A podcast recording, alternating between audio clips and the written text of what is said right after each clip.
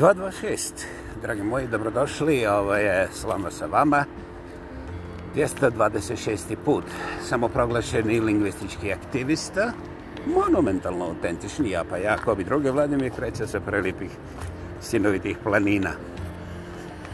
U, znate kako, neki ljudi se žale na vrućinu ovih dana, što je normalno, a ta vrućina ovdje, je danas nevjerovatnih 22 Celsiusevih graden, razumijete?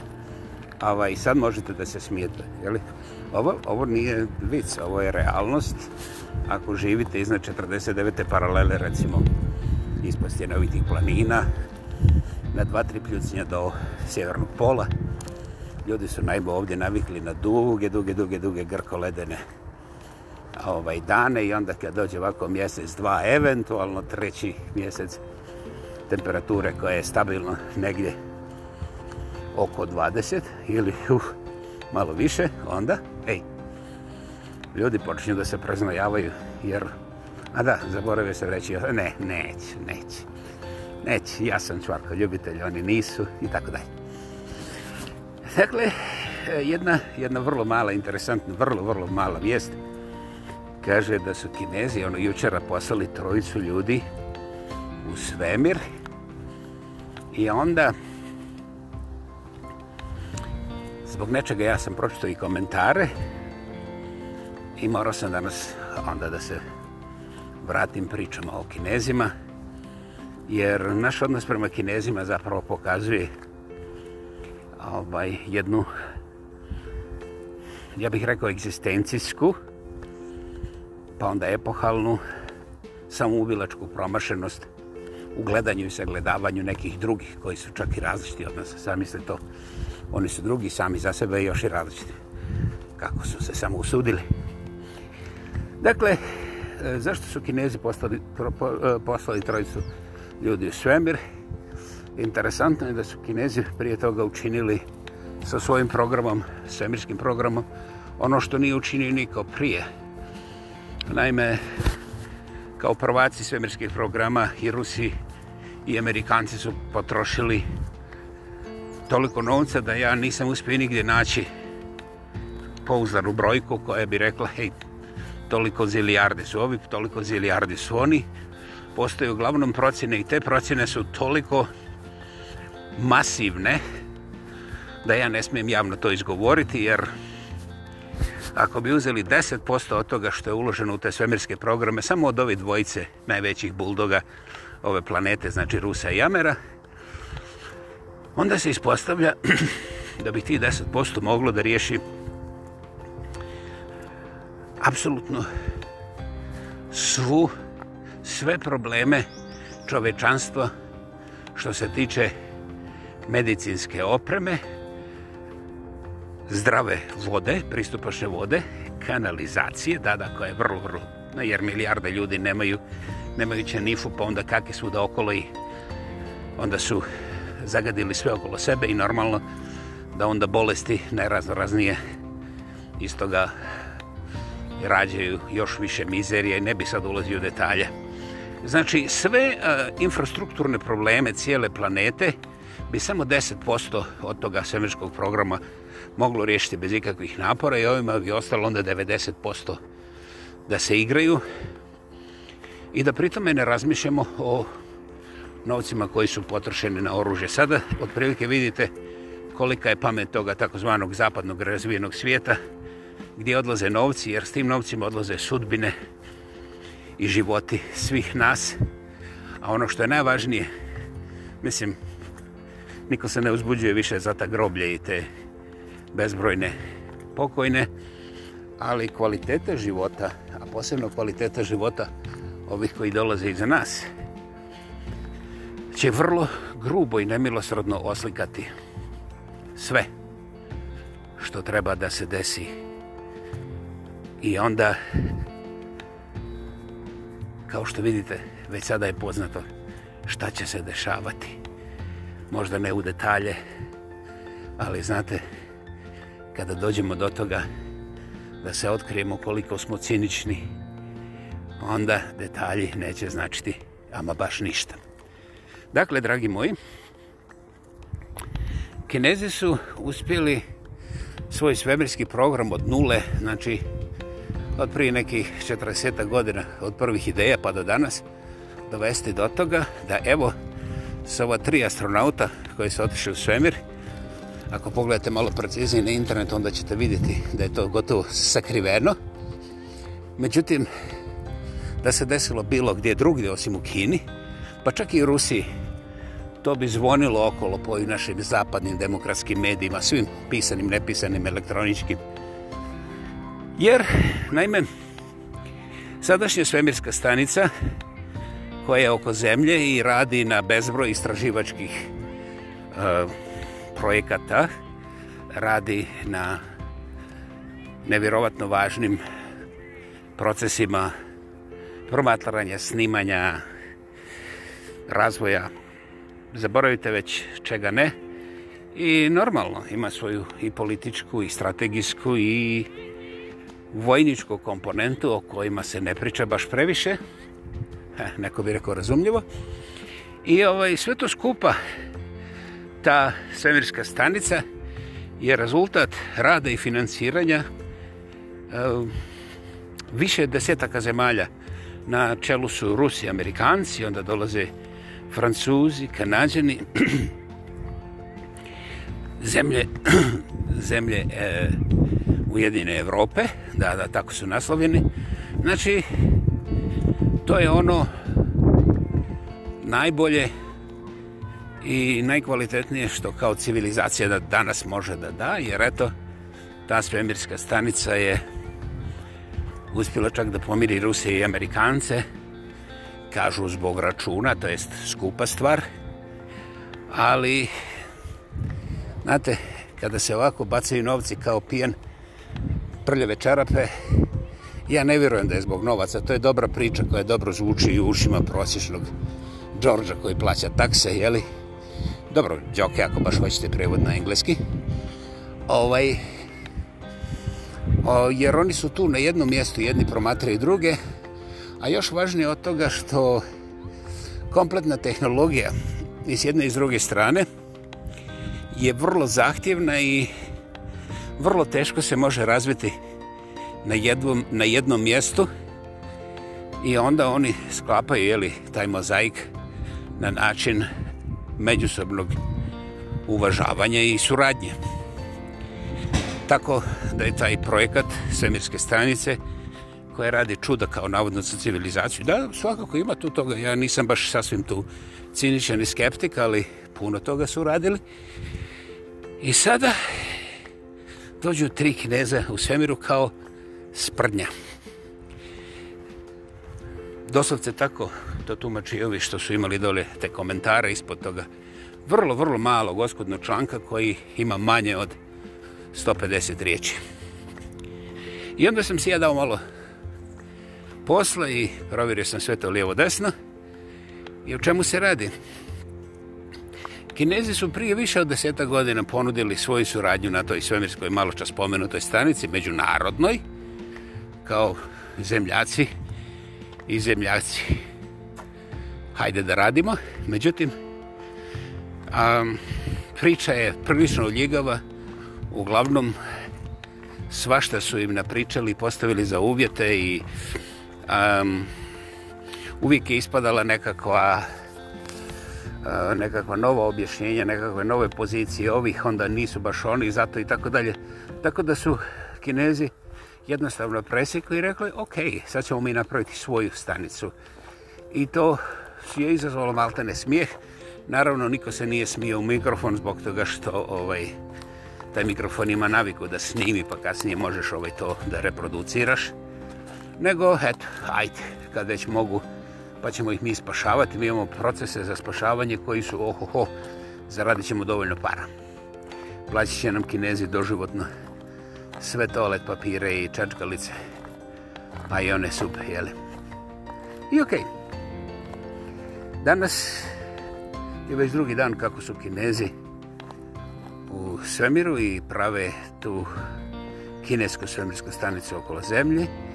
I to je prvi put u povijesti da jedna zemlja ekskluzivno ima kompletnu tehnologiju i onaj, kako se kaže, know-how,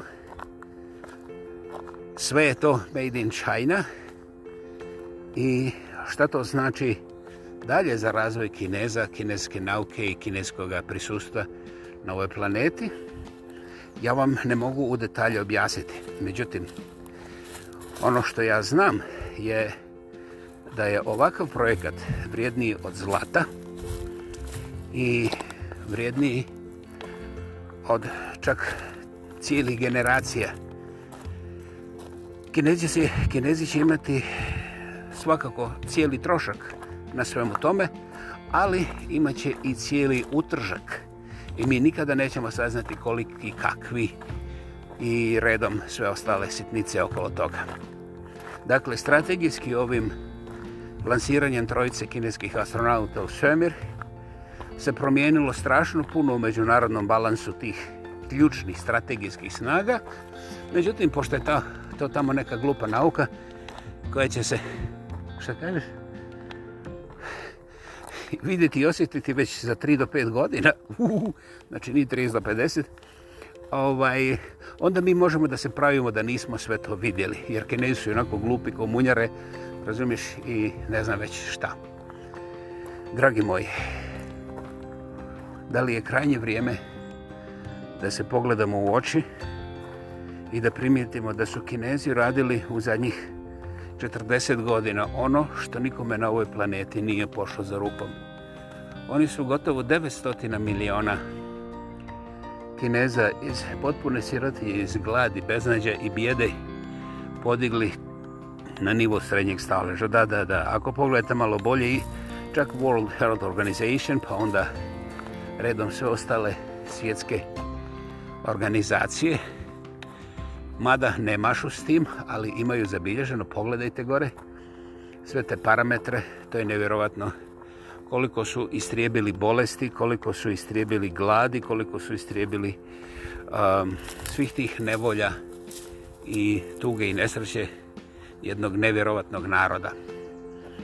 I to su učinili bez puno hmekanja. Umeđu vremenu Zapad je cijedio njihovu krvi znoj, evo recimo Nike Patike, koji im je plaćao šta je znam po 2 dolara na dan.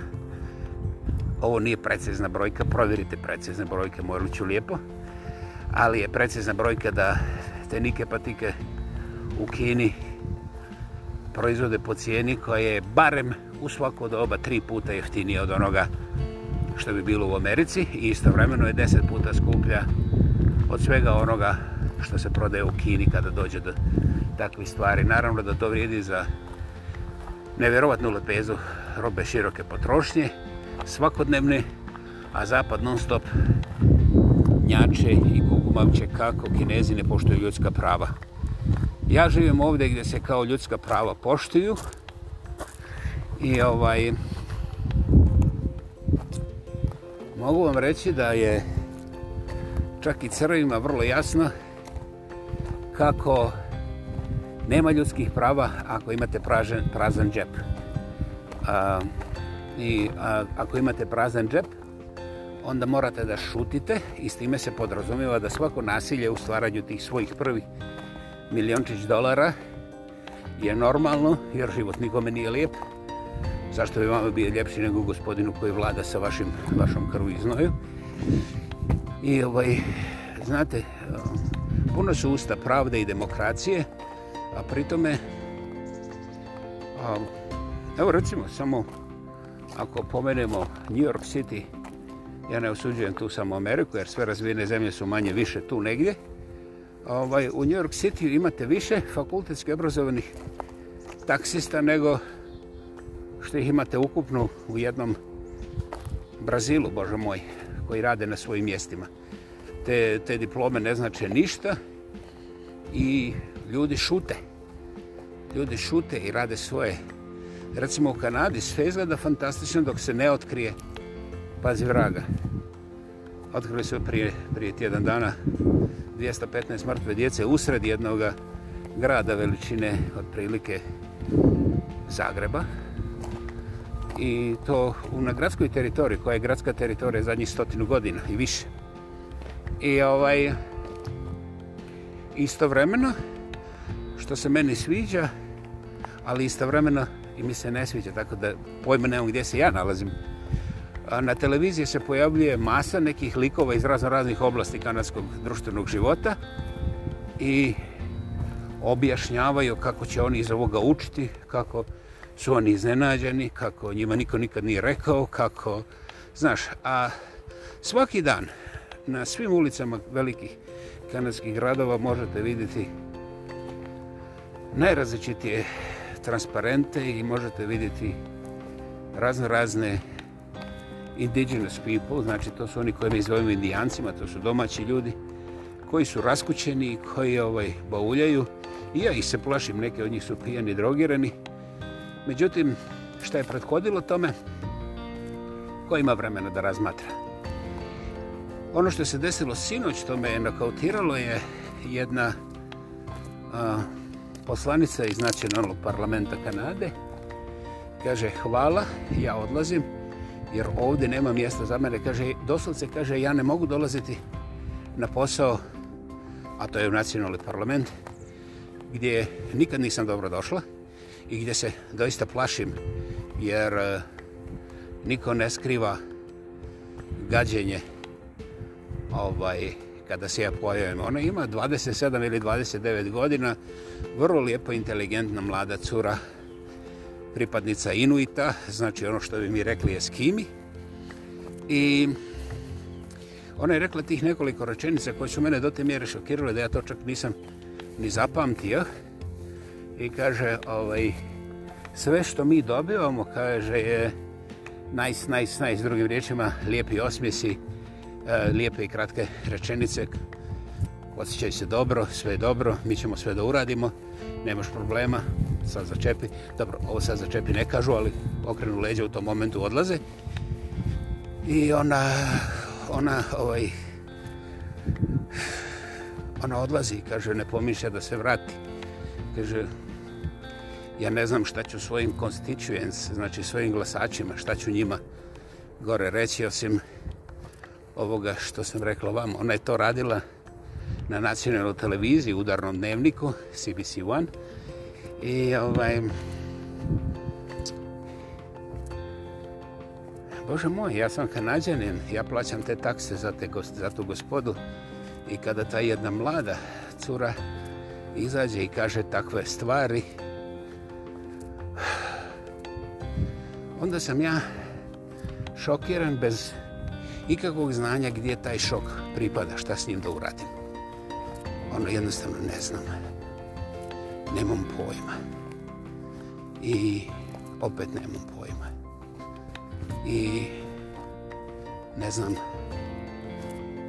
kako da sve to pomirim u sebi. Ali ali znam da je nešto strašno veliko ogromno u značenju i postojanju slomljeno, skršeno, uništeno, gotovo nepovratno. Kada je ona odlučila da dođe da progovori tih nekoliko riječi. Ta osoba koju ja nikad nisam vidio prije, ja sam zapravo uvijek bio svjestan da postoji. I ona, i cijeli njen rod i porod, i njen narod. A mi danas, fino, uglanzano u svojim na svojim terasama svojih novotvornih restorana.